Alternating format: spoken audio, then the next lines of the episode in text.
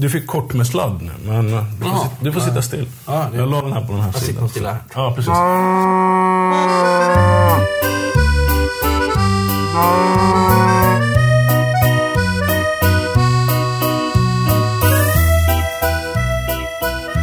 Det här är Ostpodden och jag är en något förkyld Johan. Välkommen tillbaka till en spretig hösttermin. Där vi blandar mikro och makro, känt och okänt. Men där jag hela tiden gör mitt allra bästa för att i varje avsnitt plocka fram något nytt och intressant till dig. Och innan vi kastar oss i famnen på höstens första gäst vill jag bara säga att jag hoppas att din sommar varit fin. Kanske har du varit en av dem som följde Ostpoddens sommarsnacks. Som i och för sig inte orkade riktigt hela vägen i mål. Tanken var alltså att släppa ett avsnitt varje dag som P1 släppte sina Sommar i P1-avsnitt. Och det blev väl sisådär en 20 sommarsnacks från Ostpodden och jag tror att Sommar i P1 kommer upp i en 50 avsnitt. Men eh, kom igen. Varje sommarpratare har bara ett avsnitt att tänka på. Jag hade alla. Så jag är ganska nöjd ändå. Kanske blir det Ostpoddens vintersnacks istället. Men innan dess, som sagt, en hösttermin med massor av riktiga, ska vi kalla dem så, poddavsnitt. Och så här till att börja med tänkte jag att vi stampar av med någonting som jag är helt övertygad om att vi alla är bekanta med. Men som få av oss kan så mycket om som Birger Wikström kan. Hans arbetsgivare heter Passione Italiana. Men eh, Birger skulle lika gärna kunna ha det som mellannamn själv. Ja, döm själva. För här släpper vi loss ett långt vindlande samtal om en hel massa Italien i allmänhet. Och lika mycket parmesan, såklart, i synnerhet. Jag önskar dig en god lyssning och säger klyschigt nog Ciao, Birger. Det här är första gången jag har förmånen att ha en eh, gäst hemma hos mig som jag inte ens har behövt lämna eh, hemmet. Ja, vi hade ju provningen, men eh, idag är Birger Wikström här. Hjärtligt välkommen Tack, till tack. Trevligt. Ostpodden. Hejsan svejsan. Och vi såg ju, sågs ju första gången på en ost och ölprovning faktiskt. Där jag hade förmånen att få mm, bara sitta och eh, njuta och du höll i det hela. Men det är ju inte det du gör för jämnan. Så vad sysslar du med till vardags?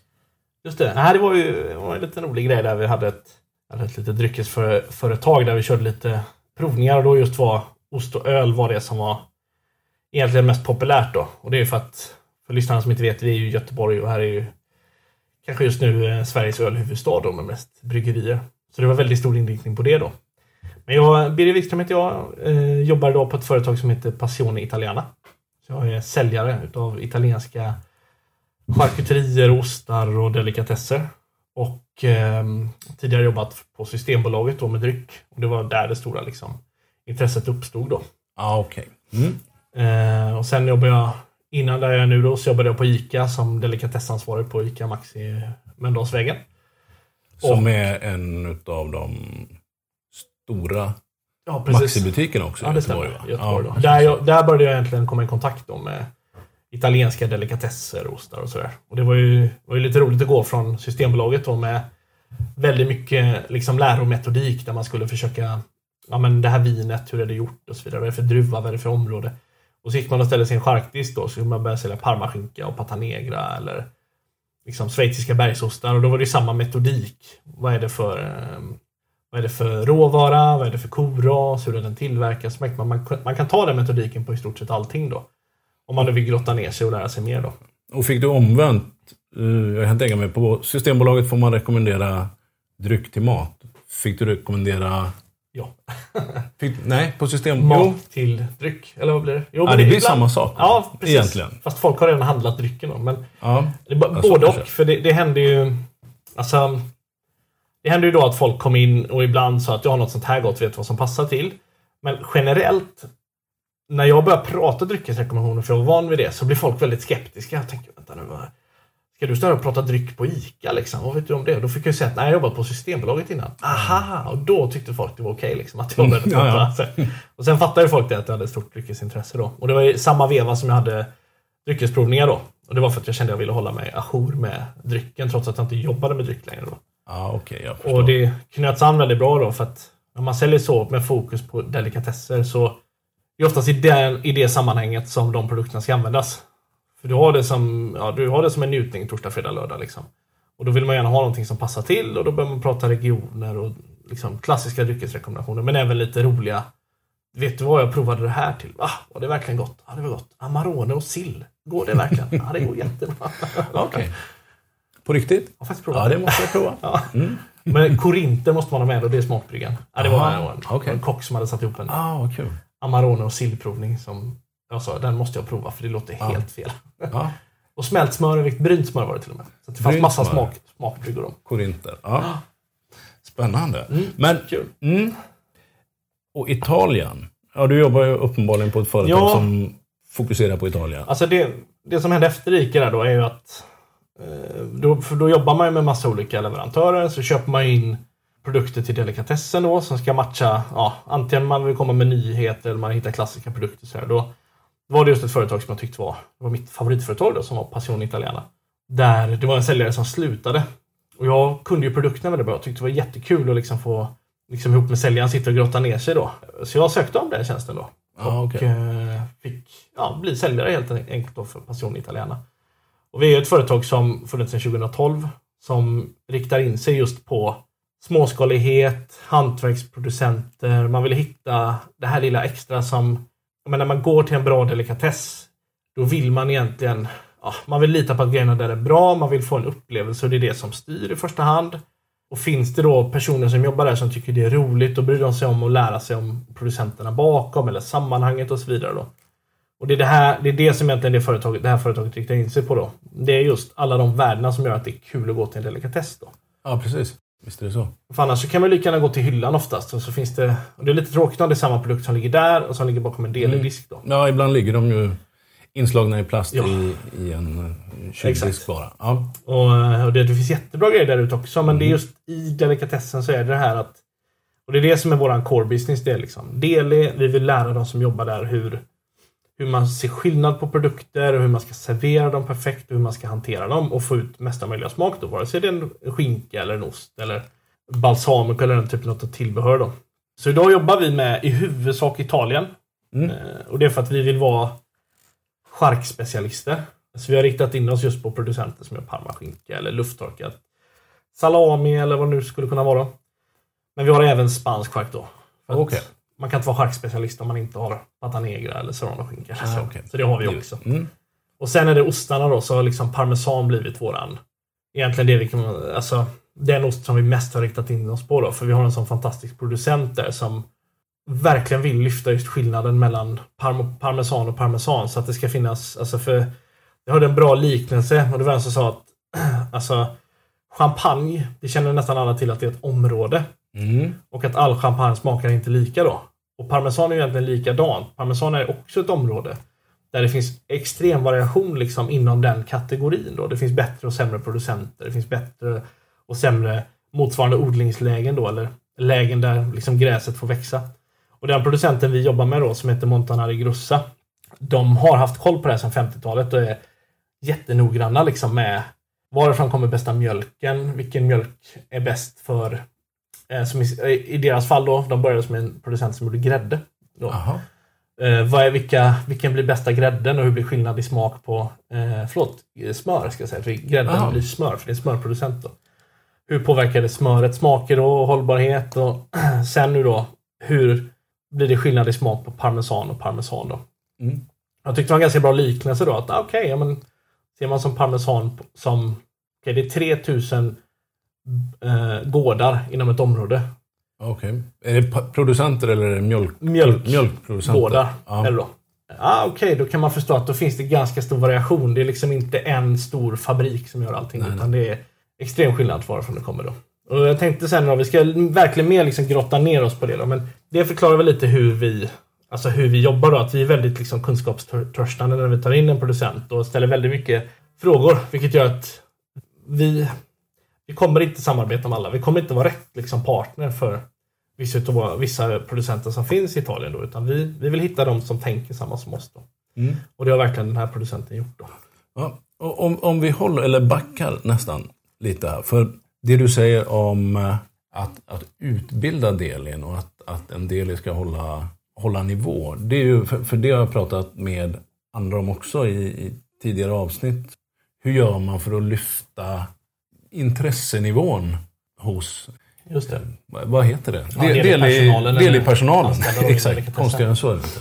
Jo, men det här med delikatess är ju lite intressant då. För att oftast så brukar det vara så att det finns ju en ansvarig som eh, kan då vara väldigt intresserad av produkterna och tycker att det är jättekul med att liksom hitta nyheter eller hela tiden se till att det är en levande delikatess. För, för mig så är ju en bra delikatess någonting där man kommer varje vecka så vet man att det finns alltid något mer att upptäcka och man blir guidad i den här Mm. resan då med nyheter. Men det är ju så att delansvarig jobbar inte hela tiden.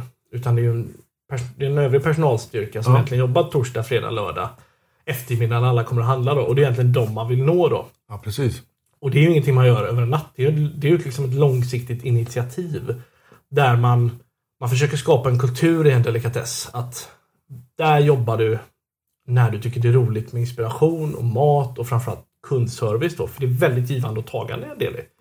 När jag började så var det liksom halva grejen var ju att få kunderna att berätta saker för mig om deras resor, om vad de kunde eller bra kombinationer för att då kunde jag berätta det till nästa kund sen. Så att det, det Ja, ja, ju det. liksom så här. Mm. Och, sen, och, och så började man liksom sprida kunskap då.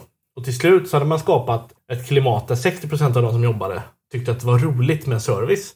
Och då var helt plötsligt de som inte riktigt brann för det lika mycket. Då kände de att Nej, det kanske inte är riktigt rätt ställe. För. Och då helt plötsligt så började man kunna mer och mer rekrytera folk som tyckte det var kul att, att jobba med delikatesser. Då. Ja, det är klart. Men det tar tid. Och gör man det fel så blir det tyvärr bara en, det är som en förbutik eller en postutlämning. Ja, men ibland känns det ju så. Ja. Och ibland upptäcker man ju också nivå, att, eller nivå, det låter ju illa. Men, men i- engagemangsnivån varierar ju också mellan personal i, i Och, och så kommer det alltid vara. Alla Ja. kommer ju ha olika liksom, favoritintressen och brinna för saker. Men just man ska tänka, om man tycker att det börjar kännas som att det är frågor som var det bra så, någonting annat. Då har Mm. man liksom fastnat i den här postluckeförsäljningen som är, då kan man lika gärna strunta i att ha en delikatess. För det, det, det är det som en delikatess ska vara. Ja. Tycker ja, jag. men då funkar kyldisken Exakt, istället. då kan man lika gärna gå till kyldiska då. För att man ställer sig ju inte köar bara för att man enbart vill ha den produkten som ligger där. Utan man vill ju ha guidningen och, och förslagen. Och, det är ju egentligen enda stället i en butik idag som har den här manuella servicen kvar. Där man eftersöker den. Ja, Annars sant. har du ju nästan ingen kontakt med butikspersonal. Det blir väldigt mycket, ja det är ju kassan då. Men, Ja, därför man- i, om man inte skannar. nej, men, men precis. Och skannar man har man tagit bort den också. Så. Ja, om man inte får en kontroll. Ja, exakt. Då. Så det är, ja, jag, jag känner många ICA-handlare som brukar säga just att eh, delikatessen är hjärtat i butiken. Och jag tycker Ja, det är det, det vill man behålla. Ja. Och det är därför det är så skönt att det finns... Ett tag så byggde man inte delikatesser i, i de stora matbutikerna. Nej, men det känns som att det har kommit igen Japp. lite grann. Mm. Sen 2006 kan man säga. Jaha. Att det, har, det vände och då börjar man bygga Okej. det igen då. Okej. Så det ja, det, det, och det, vi är ju ett sånt företag. Liksom, våra produkter kräver ju att någon ska kunna stå och prata om dem. Mm. Och um, vare sig det då är liksom en liten, en liten saluhalsbutik eller det är en delikatess på en ICA Kvantum eller så här. Då är det väldigt viktigt att vi, vi måste vara bra på att förmedla inspiration och kunskap och förslag och berätta storyn bakom då. För det är väldigt mycket storytelling kring produkter och producenter då. Ja, jo, men det, men det är väl halva, eller en Ja. stor del av mitt intresse för ost då, till exempel. Det är ju alla, alla stories. Yes. Sanna eller osanna ibland. Det spelar inte så stor roll heller. Var de finns. Precis. Det är lite kul med just när man pratar med Europa då. För tittar man på italienare, jag brukar säga att det, det, det är de perfekta säljarna. De säljer in allting med en romantisk twist. Liksom. Ja. Och sen kan man fråga sig, stämmer det verkligen? ah, det, det är inte alltid så. Men de är väldigt bra på det i alla fall. Och det är vare sig den här skinkan, det är, det är luften som har vandrat ner genom fikonträden och Ja. ger den här fina sött... Ah, det, det är inte riktigt så längre. Nej, det är klimatanläggning. Ja. Jag tror inte det finns och luft längre. Men ändå, man vill ju ha dem. Ja. Exakt. Ja, men, men för, för det här tycker jag också är... Hur är det? Är era primära kunder delidiskar i Del i disken kan man säga. dagligvarubutiker? Jajamän. Det är inte specialiserade, eh, vad heter det då? Slaktare eller charkbutiker? Jo, vi jobbar med eller- alla. Ja, Okej. Vi jobbar med, vi, vi jobbar med bra delikatessdiskar. Det, Och idag hittar man dem, och idag hittar man dem överallt. Mm. Generellt så tycker jag att små del, fristående delikatessbutiker har mycket högre kunskap. Mycket Mm. högre liksom mycket högre fokus på produktkännedom då. Mm. Och det är för att det är entusiaster som har öppnat då. Jo, för det Eh, är lite min tanke också. Att, Ja. men, det är fel att säga, men det är lättare att driva en eh, kompetent ostbutik eh, som är fristående och hålla hög kompetens där, än att driva kanske hög kompetens på ost i en delidisk. Ja. Eller ja, på, på en, en stor marknad eller en dagligvara. Nej, det, och det, så är det ju för du, du, eh, vad heter det? du har hög liksom personalomsättning. Och, Mm. Nej, det är ju så, när det finns en fristående ostbutik då är det ju någon som har haft en vision som vill Mm. driva den och sätta en, beroende på vad det är för ostbutik såklart då, men vilket de vi samarbetar med där, där är det ju liksom tydligt att nej, men här finns det ju en person som, som har en målsättning som vill prata om. Man vill inte stå och prata liksom, ja den här är den billigaste. Den ligger 100 kronor kilot under den. Det är inte det man vill prata om. Man vill prata om vad det smakar. Och, och där är det oftast kanske lite färre personal men den generella kunskapen är mycket högre då. Ja. Ja, men, men, ni blir, när du pratar med personal, du, du får tid att göra det också. Mm. När- Ja, det är jätteolika såklart då. Men det, alltså, anledningen till att det finns så mycket liksom, bra delikatesser idag är för att efterfrågan har ökat jättemycket. Mm. Och det har ju med det generella matintresset skulle jag säga att göra. Eh, vi har jättemycket matlagningsprogram på TV. Det är väl typ största Mm. kategorin. Vi säljer Ja, mest, kanske. producerar mest matböcker i hela, av alla länder i hela världen. Alltså, extremt matfokus. Och det har vi haft Mm. nu ett tag här. Och det, det gör ju att man kan säga att en väldigt stor del av befolkningen är sugna på upplevelser. mm. Och det är ju ett sätt att resa är ju faktiskt att testa regionspecifika produkter här i Sverige. De som går att förflytta hit då. Eh, och det är därför intresset just för delikatesser har ökat så enormt då. Och sen får man väl hålla koll då och titta vilka här gör det bara för att man följer trenden och vilka Mm. gör det utav hjärta och tycker att det här är roligt. Och, men eh, efterfrågan är så stor så det har liksom ploppat upp överallt då. ja. Men det är, ja, det är där man får... eh, Och det känner man ju lite för att en bra delikatess den går man ju ofta till. Vare sig det är, för att, och man får nästan en personlig relation med de som jobbar där och ofta så är det till och med så att det är en säljare man vill gå. Man tar en kölapp och så, nej men jag väntar tills den är klar. Och Jo, så, men så, så har jag haft det här borta på eh, närmaste ICAn. just Det det, finns, finns en kille där som... Ja. Ska jag prata ost så, så vill jag prata med honom. precis. Då vill man stå och resonera lite och man, Ja. här, lägga ut vad man tänker. Och, Mm. och då i bästa fall så är det en person som vet vad man gillar också. Som liksom, ah, Mm. nu har jag tagit in en grej du bara måste testa. Fine, då, då säger man bara ja till det. Liksom. Yes. Vilket är häftigt då. Men! Vi ska prata italienska ostar. Ja, Och, jag tänker det, eh, alltså det, vi, jag vet inte om vi klargjort det, det kommer ju stå i, i titeln här, men det är just parmesan vi ska rikta in oss på idag då. Men det, Italien är ju ganska, Italien är ett väldigt roligt land för att det är väldigt regionsbundet. Och framförallt när vi pratar liksom ost så Mm. är det Alltså du kan gå och hitta den här typiska osten egentligen i, va, i varje region och som de har gjort länge. Och Jag tycker det är lite kul med ostar om man pratar Europa generellt och det är att när en region eller en producent har hållit på väldigt länge då, då är det kanske inte den här bredden som man tänker att de gör allting utan de, de specialiserar sig Mm. på en sort som funkar. Och inte kanske för att man tyckte den var god eller för att det var billigt eller så utan ja, det kan det, det hänger ju med då, men utan det är kanske i första hand för att det har funkat och producera den osten där då. Och det kan ha med kan ju ha med råvaran att göra, att du får mjölk från en viss djurtyp. Och det, den djurtypen trivs bra där och det är därför du har den djurtypen. Man tänker på vissa getter i Loiredalen och så vidare då. Mhm. Eller, om jag fattat det rätt så vissa, vissa områden så vill du inte ha getter för att de, de rycker upp för stor del av gräsroten och det är därför du har gått över till kossor. Ah, ja, så sabbar de. Ja, så för okej. att sabba de bärigheten i Ja. jorden då liksom. Eh, och då kan du börja få problem med jordskred. Då har man gått över till bergskossor och så vidare då. Mm. Och det här är ju superintressant då. Men Italien är ju lite roligt för att det är ju det är ju väldigt bergigt land. Mm. Eh, du har ju liksom berg uppe i norr när du börjar komma upp in till gränserna mot Alperna. Och sen så har du ju Apenninerna-kedjan då. Som går från eh, ja, mitten på norra hela vägen ner Vet genom vad? Nu, Italien. nu har jag så gjort i förväg. Ja men grymt. Jag tänkte faktiskt upp här också. Ja, innan du kom så skrev jag ut en Italienkarta. Den, eh, Den är helt avgörande tycker jag för att ja, man ska den, den syns ju inte i podden, men vi får lägga upp den på. Instagram. Instagram eller Facebook eller både och. Precis. Och, Kan du peka? ja, för då pratar man i norra Italien här uppe då, då så är det ju gränsen mot Frankrike och Schweiz och Österrike och, och där har vi ju Alpen, Alperna. Och även olika små, eh, små bergsmassiv då. Sen har vi ett stort område som går från liksom Piemonte in i Lombardiet, in i Veneto, ner i Emilia Romagna. Som heter Po-dalen. Just det. Och det är en jättestor, jättestort slättområde som är väldigt bördigt. Då. Det kan man väl säga är det bördigaste landområdet i hela Italien. Och det är därför det är så rikt där uppe. Är inte Po en flod? Jo, precis. Och Podalen ligger runt Pofloden då. Och Pofloden går hela vägen uppe från Piemonte ner till Rimini tror jag. Någonstans Ja, okej. i västra Italien. Och sen i, på gränsen kan man säga eh, Emilia Romagna Toscana. Då börjar en bergskedja som heter Apenninerna. Som löper ner genom hela Italien. Hela vägen ner till Kalabrien som liksom delar Italien då. Men det gör ju att det, det är ju det är ju bergigt land så sett då. Men det som varit lite intressant har varit att runt Alltså går man tillbaks ganska långt i tiden så var det ju väldigt fattigt och det var mycket träskmarker runt bergen. Jättestort problem med malaria. var väldigt vanligt tydligen Okej. förr. Men då har vi haft med eh, munkgårdarna. Benediktiner och cisternermunkar. Som hade det som sin uppgift egentligen att dränera träsken. Aha, är det så? Och gjort det istället till odlingsmark då. Och det som har skett om man tittar på liksom Po-området då, det är att det när du då har gammal träskmark som du har dränerat och gjort odlingsbar så blir det extremt bördigt.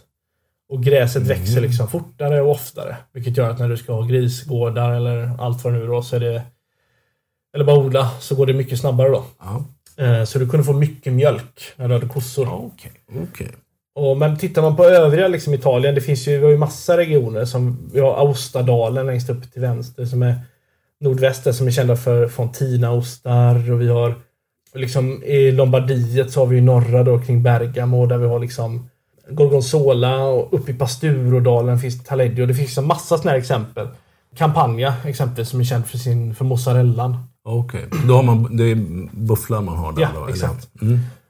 Hela Italien, en poäng med det här lite, det är väl att hela Italien är väldigt regionsindelat och de är väldigt liksom lokalpatriotiska med sina Mm. produkter och sina... Ja, här i söder här äter vi liksom buffelmozzarella. Nej, det gör man inte här uppe. Ah. Mm. Där gör man en annan typ utav då liknande ost som man kallar någonting annat.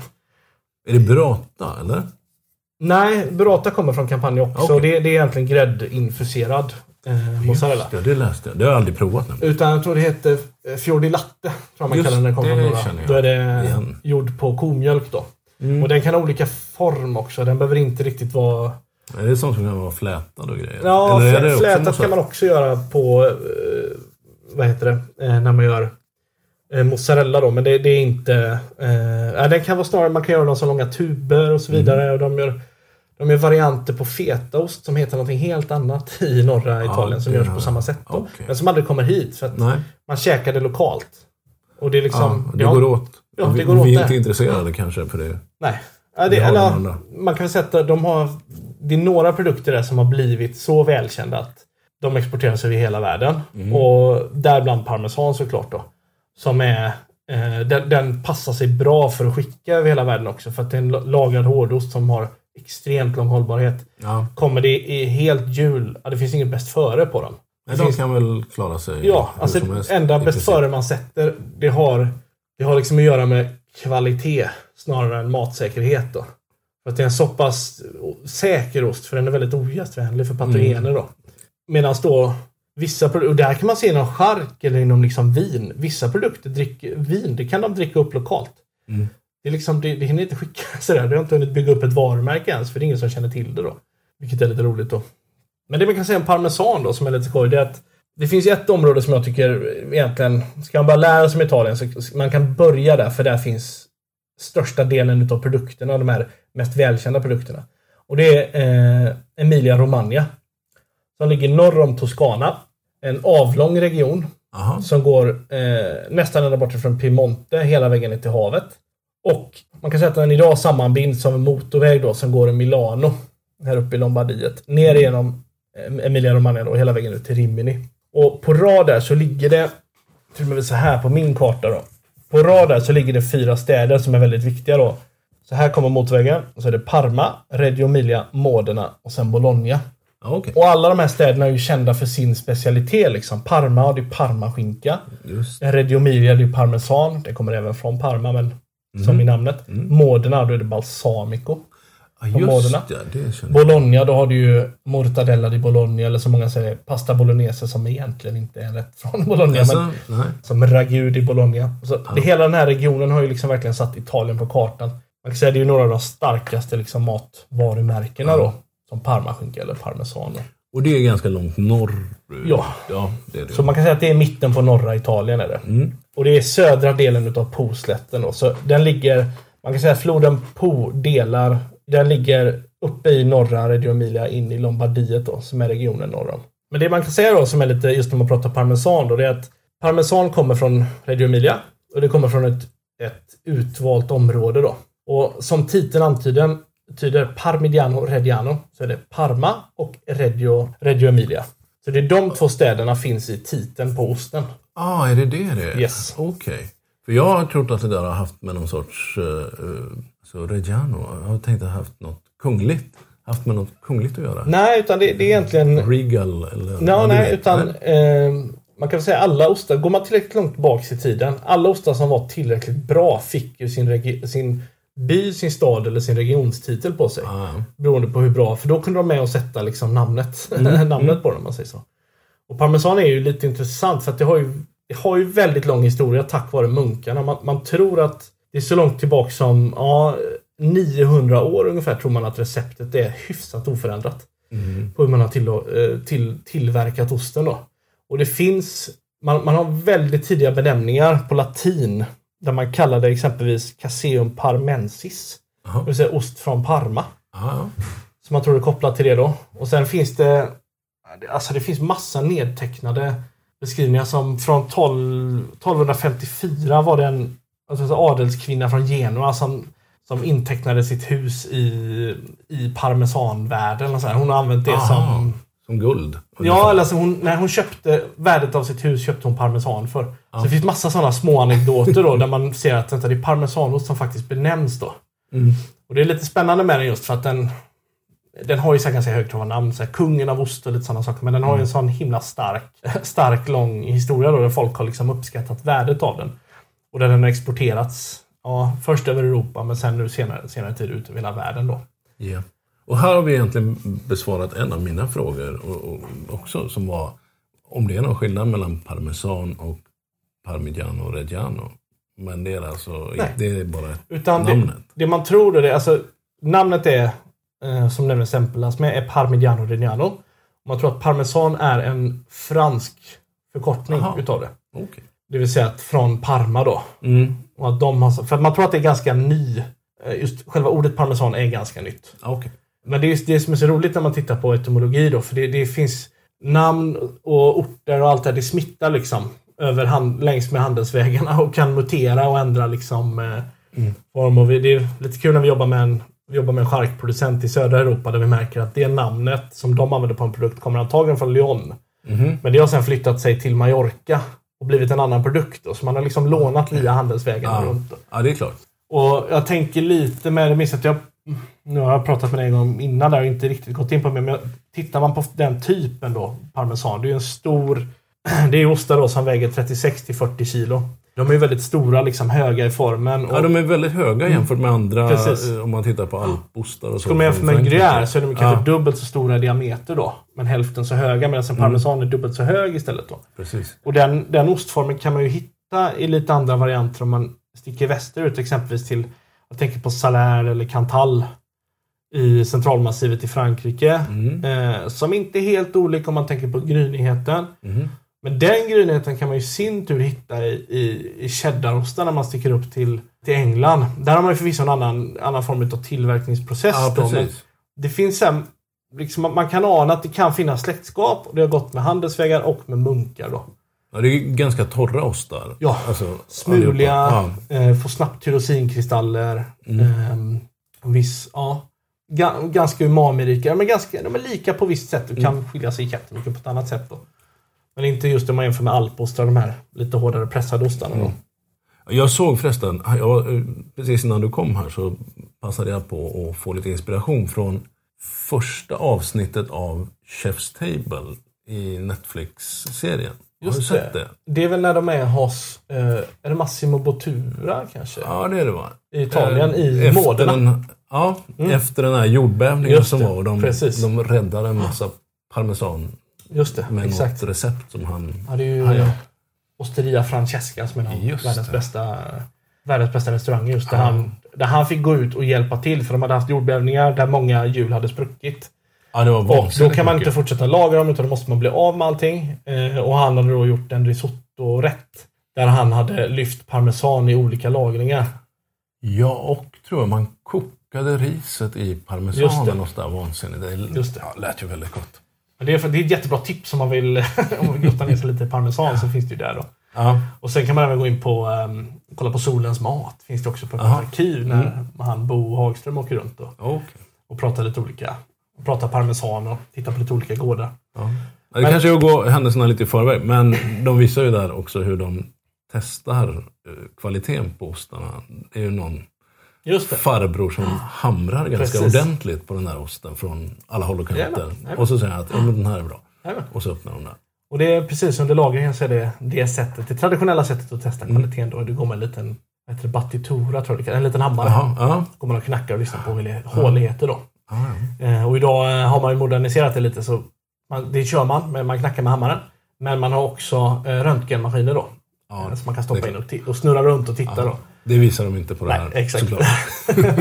Men den traditionella metoden är det då. Jag kan bara berätta lite just kring eh, parmesan bara för att bryta ner det lite ytterligare då. För Absolut. exempelvis så för, för många är parmesan, då, då tänker man liksom en italiensk hårdost som är smulig och salt. Och sådär. Men det, det kan vara redan nu kan det vara bra att särskilja då på parmesan och grana padano. Yes, tack. Och då är det så att parmesan tillverkas i ett litet område söder om floden Po.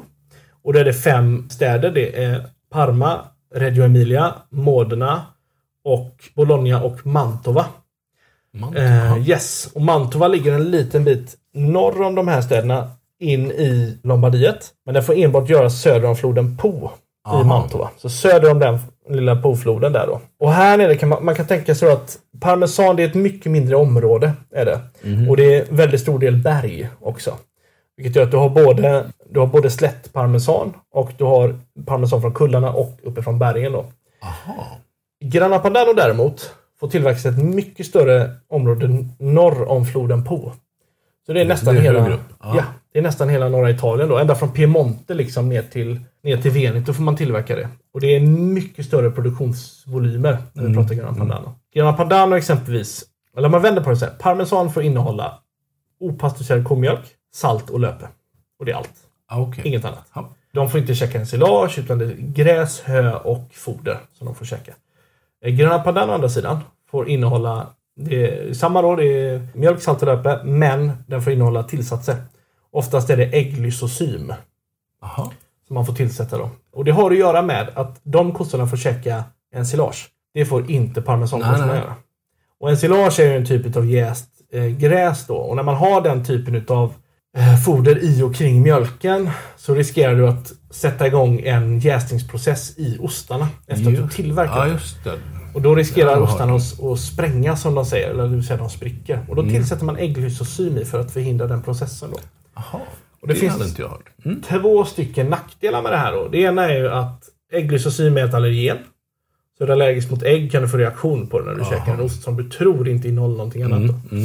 Mm. Eh, Och det andra är smak. För både ägglysosym och ensilage kan tillföra en viss typ av bitterhet. Mhm. Och då kan man få den här beskan eh, som man känner i eftersmaken då. Som man brukar väl säga att det, det, ibland är det ganska gott för det kan förhöja smaken och så vidare. Då, framförallt när du lagar mat. Men ska du bara njuta utav, utav osten då ser de flesta europeer beska som en, en smakdefekt. Alltså det är någonting som man ska hitta i ost egentligen. Då. Och det tyder oftast på kanske en sämre råvara när du har tillverkat det då. Så det viktiga här är ju egentligen att känna till då att förutom, förutom allergenerna så käkar alltså parmesankossorna, de käkar ingen ensilage. Utan det är bara gräs, hö och foder. Och den unif unifeed som det kallas då, den brukar vara korn och eh, vete och majs tror jag det. Aha. Så det är en form av torkad, eh, ja, små pellets då. Som de kan käka under, under vinter, Ah, Okej. Mm. vintern då. Annars under sommaren så vill man oftast att kossorna ska gå ute då. Mm. Framförallt när man börjar komma upp i, i bergen. För att där har du en helt annan, en helt annan variation på gräs och örter. Som då ger högre eh, mjölkkvalitet och mycket mer variationsrika smaker i ostarna då. Ja men precis, det är väl som med, med mm, alla alpage-ostar egentligen. Yes. Att man får en variation över säsongen också. Exakt. Beroende på hur långt upp i, i bergen de går. Då. Mm. Och eh, pratar man då med som med Margarita då, som är våran... Hon är ju våran liksom ostnestor i Italien. Hon är eh, helt fantastisk. Hon, hon pratar ju om alltså, vilka, vilka ängar som har vilka sorters blommor. Hon har ju till och med släppt en bok då. Den har illustrerat alla över 60 sorters gräs som växer på bergen vid Parma då. Ihop med en botaniker och en illustratör då. Och hon är ju så här, ja det är jättemycket men går man tillbaks ännu längre då fanns det över tusen sorters gräs. Liksom. Och, och tack vare den monokultur som är vanlig idag så har man liksom minskat eh, mängden eh, olika grässorter. Då.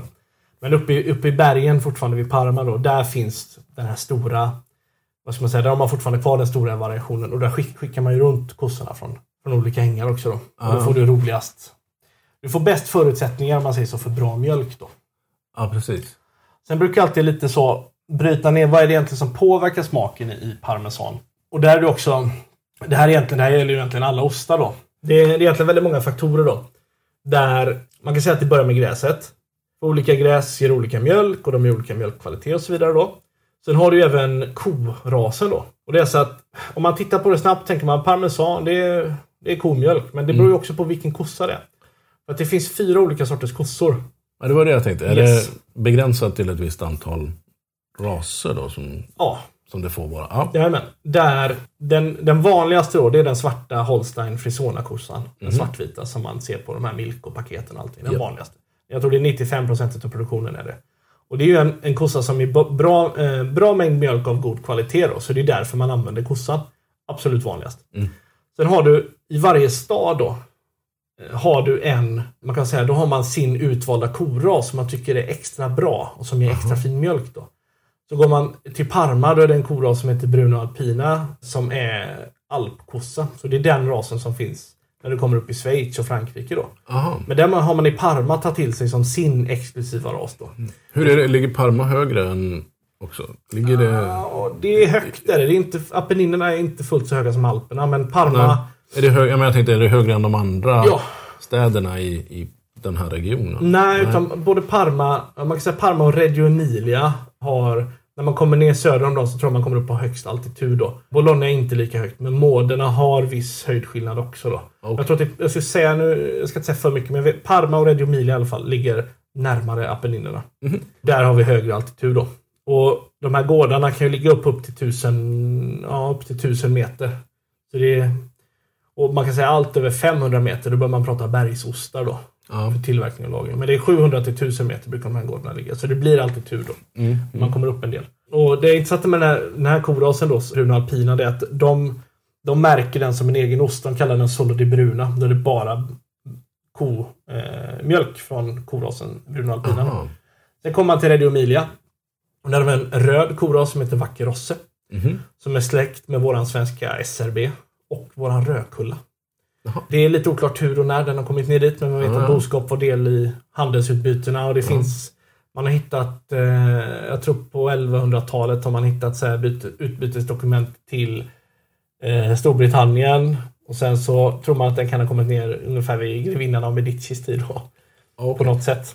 Men, men är den från, tror man att det är från Sverige Yes. ner till Italien då? Inte Ja. åt andra hållet? Ja. Nej, utan man tror att den kommer antagligen norrifrån och gått neråt. Mm. Och jag, jag har inte riktigt hittat slutgiltigt belägg åt något håll här. Mm. För, för, pr- pratar med italienarna säger de att nej, men det här är vår originalras då. Ja.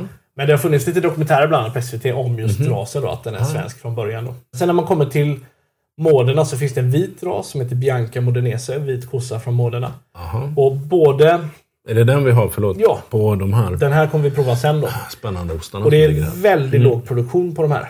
Aha. För att de, här, de ger ännu högre mjölkkvalitet men mindre mjölk. Mm. Så att de har, eh, det är mycket rikare mjölk, högre kasininnehåll och så vidare. Vilket gör att de, den passar sig faktiskt bättre för lagring. Och de är mycket bättre på att ta upp de olika vad ska man säga, smakämnena från gräset. Vilket gör att du får en komplexare mjölk. Då. Ja. Men de är inte lika lönsamma att jobba med. Nej, Och därför är det oftast att man får liksom stöd från universitet, jordbruksuniversitet och sådär då. Aha.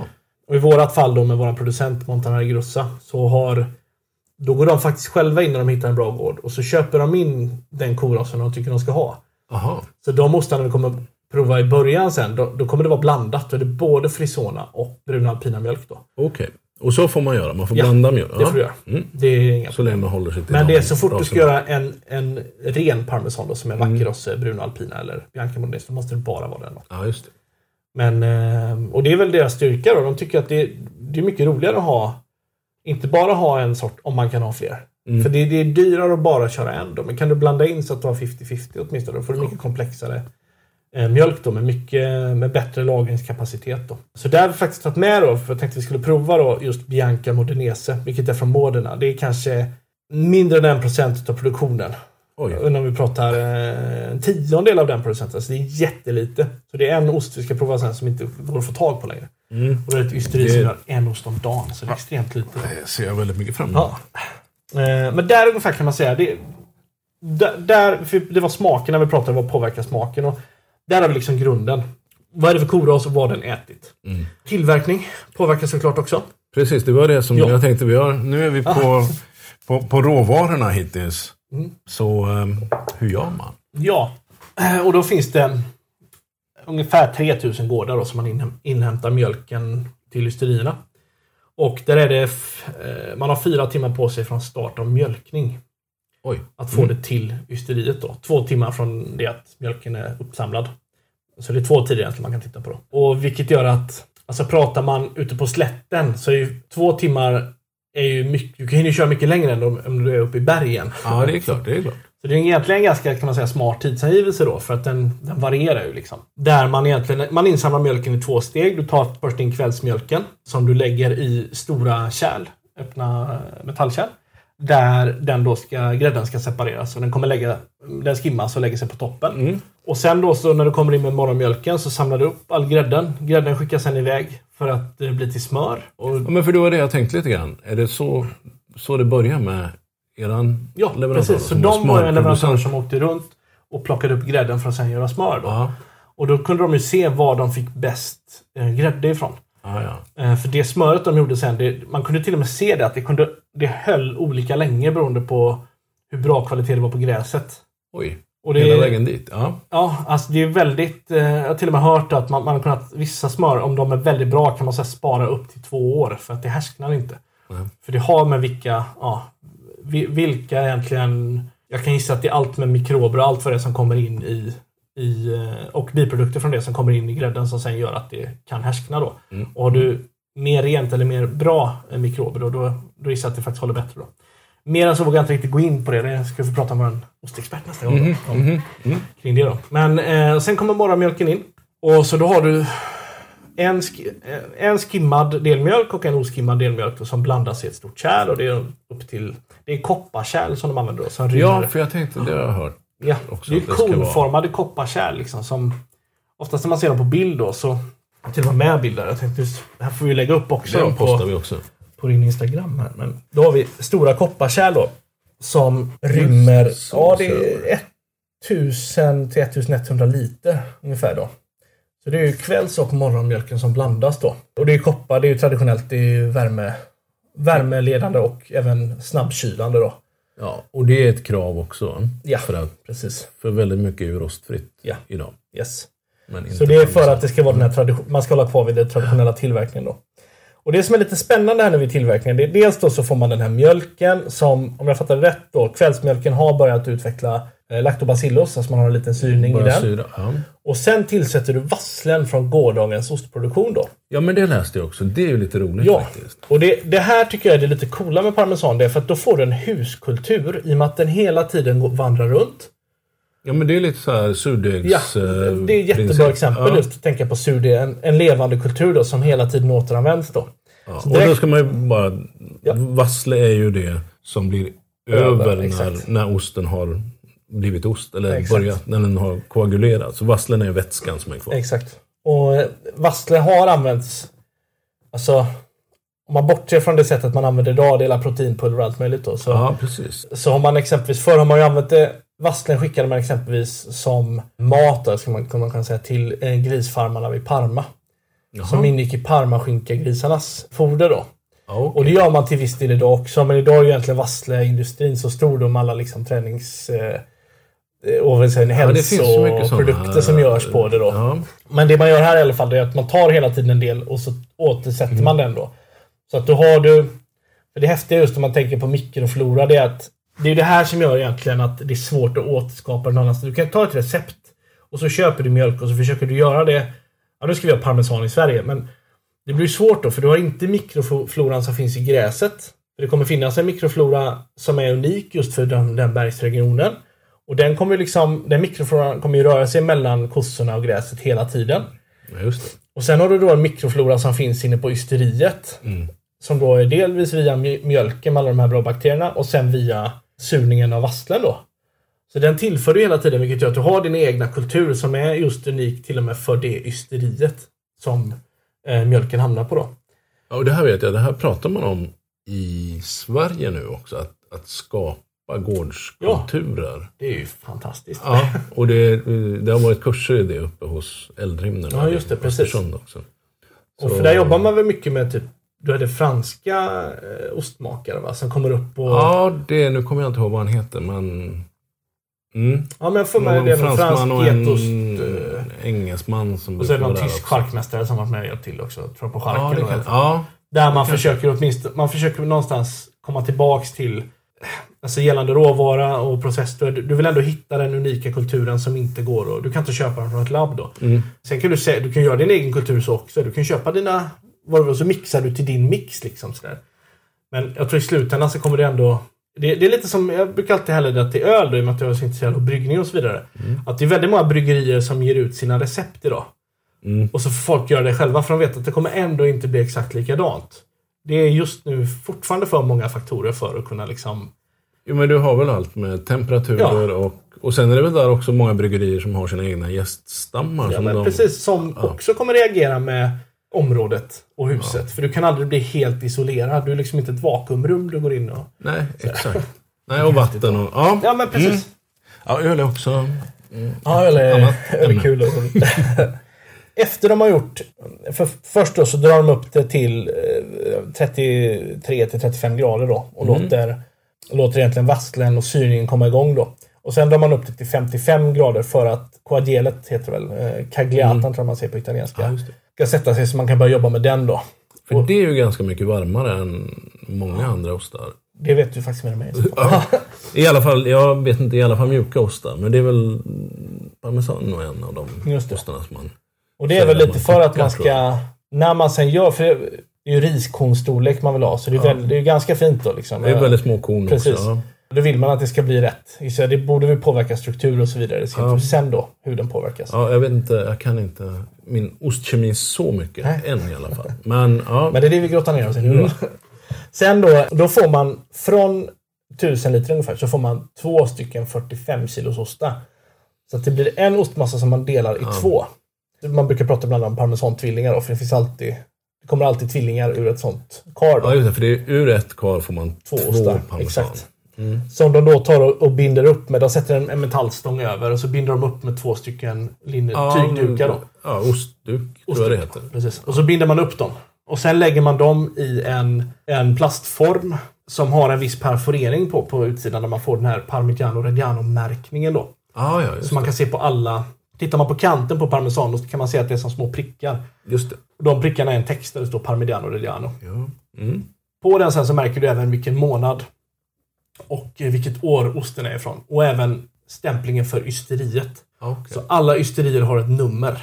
Jaha. Så om du ser en hel parmesanost så kan du se att aha, okej, här är tre, tre siffror. Ja, men då kommer den från eh, Reggio Emilia, eller fyra siffror. Ah, då kommer den från Parma. Och så kan, finns det till och med då, du kan gå in på nätet och skriva in det numret så ser du vilket ysteri osten kommer ifrån. Ja. Så det är väldigt hög spårbarhet och det är för att de som är bäst, de vill ju verkligen att folk ska veta att det är härifrån det kommer och så vidare. Ah, okej. Så de är väldigt noggranna med det då. Hur många ysterier finns det som gör parmesan? Eh, strax över 300. Okej. Och det där har ju minskat lite då för att Kommer man ner mot eh, slätterna så har det blivit fler stora ysterier. Mm. Kommer upp i bergen, vilket är häftigt, och det är fortfarande många små ysterier kvar. Ja, ja. Men många av de här små ysterierna har ju gått från att vara alltså, små lokala direkt vid bondgårdarna till att bli kooperativ då.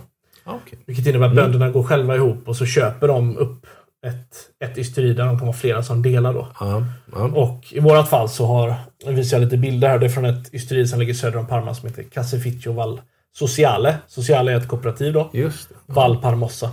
Där eh, då tyckte att det är fantastiskt bra ysteri, grymma gårdar, men kan, vi måste bibehålla kvaliteten. Så då köpte de upp det. Så är det de som driver då, ser till att man jobbar, Aha. fortsätter jobba med höghetsmjölken och håller igång gårdarna då. Mm, mm.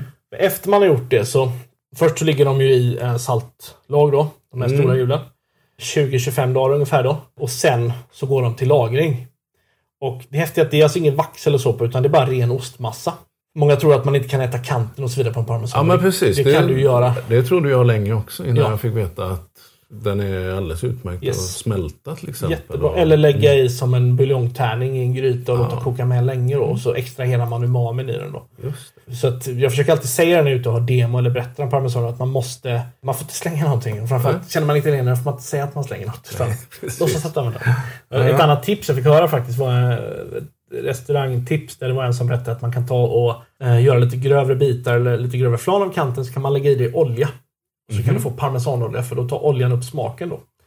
Ah. Eh, Jag har testat det själv. Jag testade en gång med olivolja. Den blir, då får det inte vara för pepprig olja. För att Nej, nej. Då blir, utan man kan egentligen ta en billigare, ganska neutral olja. Ja, det är klart. Och så kan man prova då. I rumstemperatur går det lite snabbare. Man kan också ha den i kylen om man ha lite längre extrahering. Då. Ja, ja. Men då kan man ringla den sen på en köttbit eller på en Ja. sallad. Eller på Men vad sa du? Lite, vad sa du? Lite grövre bitar av kanten. kanten Exakt. i olja? Ja. Mm. Ja, det måste jag testa. Det måste du Det tycker jag. Absolut. då. Och sen då, då har vi liksom, nu har vi pratat, om vi pratar vad som påverkar smak då, så är det ju allt det här som sker med huskulturen och tillverkningen påverkar ju. Men sen kommer vi då in på lagringen. Vilket också påverkar såklart då. Och parmesan har ju en, en minimilagring på 12 månader. Men sen när man ska lagra dem bättre då som ska få exportmärkning då måste man komma upp i 24 månader då. På Men det- parmesanen. Det är en, en godkänd så att säga parmesan efter ett år. Det finns, man kan säga så här, det finns olika nivåer på det. Den kan fortfarande bli godkänd, man kan tycka att kvaliteten är så låg att den, den ska inte lagras längre då. Mm. Sen finns det även de, och det här kan vara bra att känna till då, som inte ens klarar den märkningen. Och då blir de nerrankade, då kallas de bara italiensk hårdost. Okej. Och det de gör då, det är att då slipar man bort märkningen på Jaha. dem. Eller river dem. Ah, Med, okej. Så att de får skåror eh, längs med då. Mhm. Och skulle man märka att det ligger någonting som kallas parmesan någonstans som har rivda kanter då så är det alltså en nerrankad som inte fick, Ah, hade okej. inte tillräckligt bra kvalitet Nej, då. nej. Och det man kan säga här är att det har ju lite att göra med då kvaliteten på mjölken. För ifall det blir har man då alltså fel, fel typ av kvalitet på mjölken så blir den snabbare besk. Och den blir snabbare torr. Och då har man inte samma lagringskapacitet då. Så de klarar kanske max 20-24 då. Medan en ost av högre kvalitet, där börjar du skicka ut dem på marknaden vid 24. Ah, okej. Och de kan du fortsätta lagra Mm. eh, upp till 60 månader. Sen blir det en annan ost. Och vi ska prova en sen som är ännu längre lagrad. Spännande. Men det blir en annan upplevelse liksom. Mm. Det är väldigt få som faktiskt klarar längre än det då. Men här har vi också då någonting, för det, det påverkar också smaken. Hur Mm. du lagrar den, vart lagringshuset ligger. Det också, finns ju också fortfarande mikroflora som påverkar utifrån då. Ja, ja. Vet, vet du vad man håller för temperaturer och, och Ja, jag får sådär? faktiskt kolla upp det. Man kunde inte säga det exakt. Kommer få det efter provningen. Kommer du få. Yes. Och exakt temperatur. Ja, det var mina foton. Men det jag ska säga med det här då, som är lite roligt, det är att i och med att man har fortfarande satt alltså som krav att de ska lagras på ysterierna. Mm. Och det finns så mycket bergsysterier.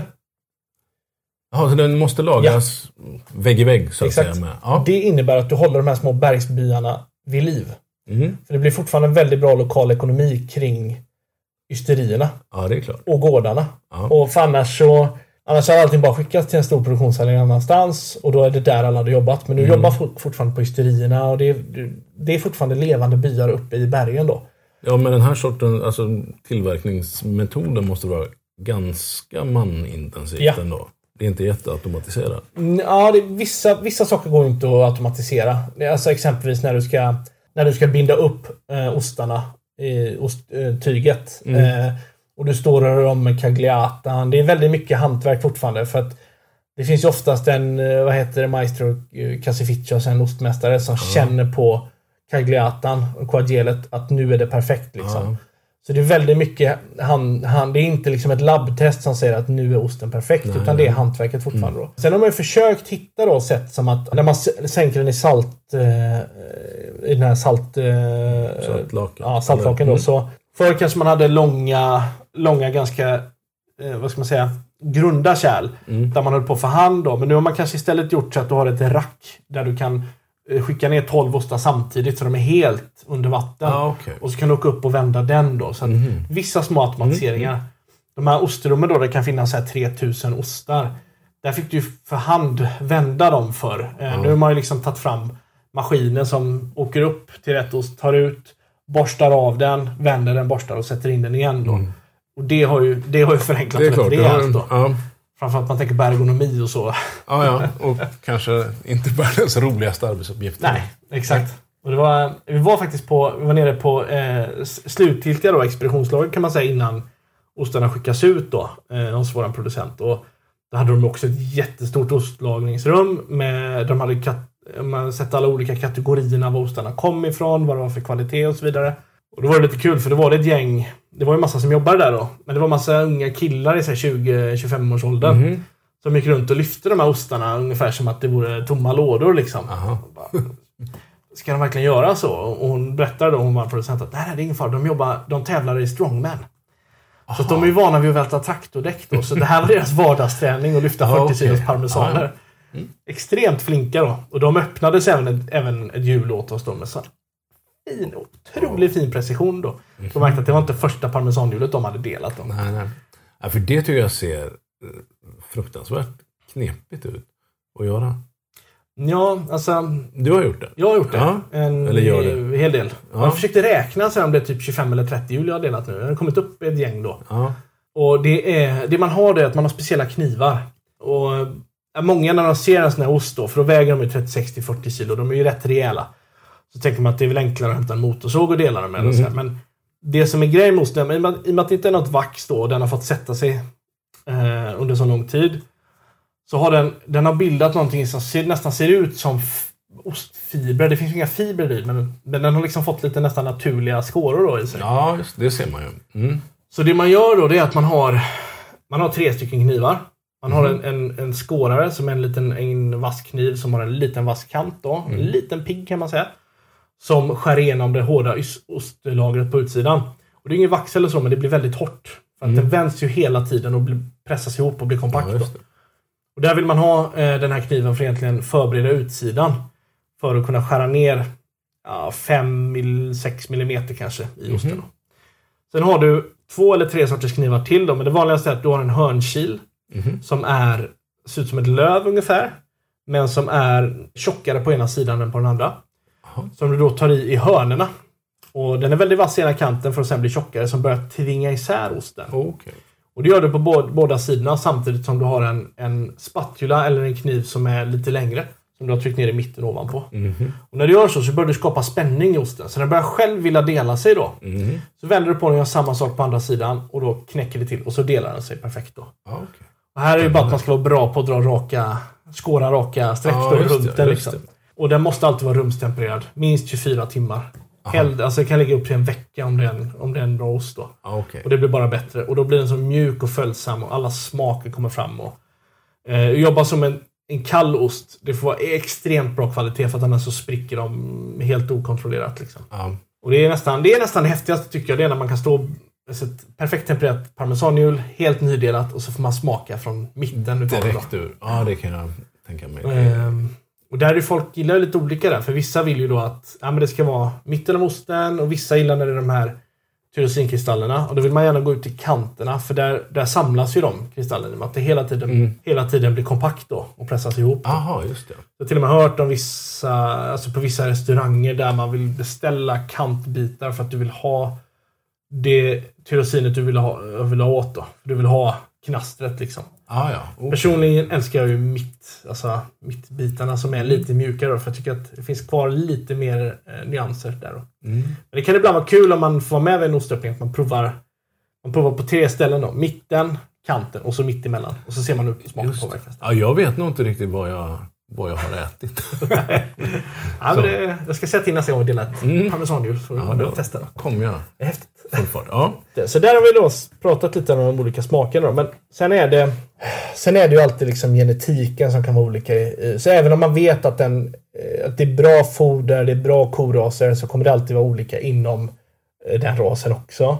Det är när på året har de varit ute och käkat gräs eller har de varit inne och käkat hö och foder.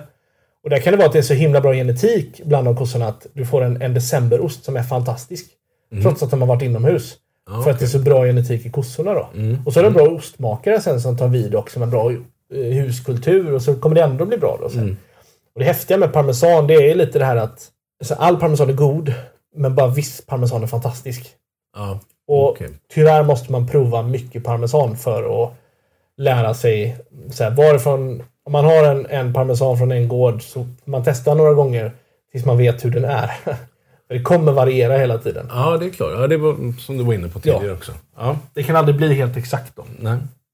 Men, men du sa också att, du sa att upp till, vad sa du, 36 månader eller någonting. Någonstans, sen blev det en annan ost. Ja, När tycker du parmesan, när, när pikar det, alltså, den? Eller när, ja, det här är ju jättesvårt då. För att det, det äldsta jag provat som varit riktigt bra, det är 60 månader. Mhm. Och det här, det här har med fetthalten att göra också nat- naturligtvis. För att jag tror att man har sagt en minimumnivå på 32% fett. Jaha. Och idag, i och med att inte, i att inte smörproduktionen är lika det är inte lika populärt med smör längre. För, förr var smör det vanligaste för du hade inte lika mycket olivolja i norra Italien. Nej, Så då använde alla smör på Jaha. ett annat sätt. Då. Eh, nu är olivolja mycket vanligare och därför har ju smörförsäljningen gått ner ganska rejält. Då. Då innebär det att vissa producenter ökar fetthalten i ostarna. Det du måste tänka på då är att då känns de ju unga längre. Så då kan du helt plötsligt börja lagra dem. Och det här är också ihop med korasen, så det är så himla många faktorer då. Eh, vilket gör att en, en tar man en, en billigare ost då, liksom långt utifrån slätten, så kommer den snabbare bli torr, och få lite högre smak och lite skarpare. Medan om du tar den från bergen då med lite högre fetthalt, då är liksom 24, är, folk blir så förvånade. Är den här ens långlagrad? Ja, det är den. Men det är så mycket högre kvalitet och antagligen lite högre fetthalt att den känns fortfarande mjuk, så då kan man fortsätta lagra den då. Okej. Så 36, 40, 48. Det är ett problem bara det är att alla vill ha långlagrad parmesan. Okej. Så att åtgången är... Alltså, det går inte att hitta riktigt långlagrad parmesan längre för priserna har skjutit i höjden enormt. Så 24 till 30 går fortfarande att hitta och sen när du ska hitta 36, 40, 48 upp till 60. Där det blir dyrt med en gång då. Ja, för man måste givetvis ta, ta mindre lagrad parmesan också för att och, och underhålla Efterfrågan på marknaden. det här mera. Ja, alla vill ju ha, alla vill ju ha parmesan. Mm. Det är en jättestor internationell efterfrågan på det. Jag tror det är så mycket bara i Europa så att det. Jag vet inte om det är 40-50% som bara går till... Eh, jag har sett siffror på det, bara till Tyskland, England och Frankrike. Jag tror Frankrike... Ja, hela tillverkningen? ja, Frankrike är enskilt största... Jag tror att de, de är nummer ett. De har typ 20% av exporten. Det skulle man aldrig erkänna. Nej, nej, nej. Exakt. Men det är jättevanligt. Men om jag ute och shoppar parmesan, då ska jag alltså jag ska se upp med de som, är, som inte har någon märkning, som är avslipade eller rivna. Precis. Och, eller det första man Finns ska något kolla annat? efter då. Tänker, ja, Det första man ska kolla då, det är, och det är ju där jag tycker man ska börja titta. Mm. Är det en Grana Padano eller en Parmesan? just det. Där är liksom nummer ett. Då. Och Grana Padano och Parmesan har två olika märkningar. Mm. Eh, Parmesan är en svart märkning med en ost på. Där det står Parmigiano Reggiano. Medan Grana Padano är en gul. Eh, ungefär som två varningstrianglar på varandra. Där det står Grana Padano. Det postar vi också på Yes. Instagram Så man kan se skillnaden. Japp. Sen Det då- visste inte jag. Ja, de är noggranna med det, de här konsortierna. Då. Sen då, så det är det här det börjar bli lite svårt då. För att helst vill man ju veta mer om osten. Men mycket av den osten vi har på marknaden har bara en märkning. Och det är, vad är det för lagring? Och när man inte vet mer om ostarna kommer ifrån, då bör man titta på lagringen. Och då tänker Ja, man, givetvis. här är en hög siffra, det är säkert den bästa. Så det är väldigt svårt att, det är väldigt svårt att veta då vad som är bra. Så försök kolla. Försök se om du kan se antingen om du vet att det är en bra producent. Om du kan se att det är en koras eller någonting på det som gör att liksom mer information. Och sen lagring. Men börja inte med lagringen då. Nej, nej. Och jag kan väl säga generellt, alltså hittar du våra ostar exempelvis, du kommer se dem på Instagram då. De lyser ganska mycket för de är handpackade. De ligger i papper. De vill alltid de vill förmedla mer information än lagring. Mm. Och det är, där, det är det jag tycker man ska börja titta efter då. Och Sen kan man även gå till delikatessdiskarna och så kan man fråga vad de har för olika sorter. För där finns det ju också med olika koraser. Ja, för det var det jag tänkte. De förpackningarna syns ju inte i delikatessdisken. Nej, nej precis. Men då får vi hoppas att du har gjort ett bra jobb med att Jajamän.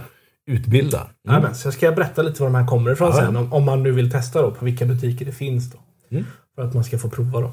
Men där tycker jag alltid, ba- bara man börjar testa där och sen tänker på hur det smakar också.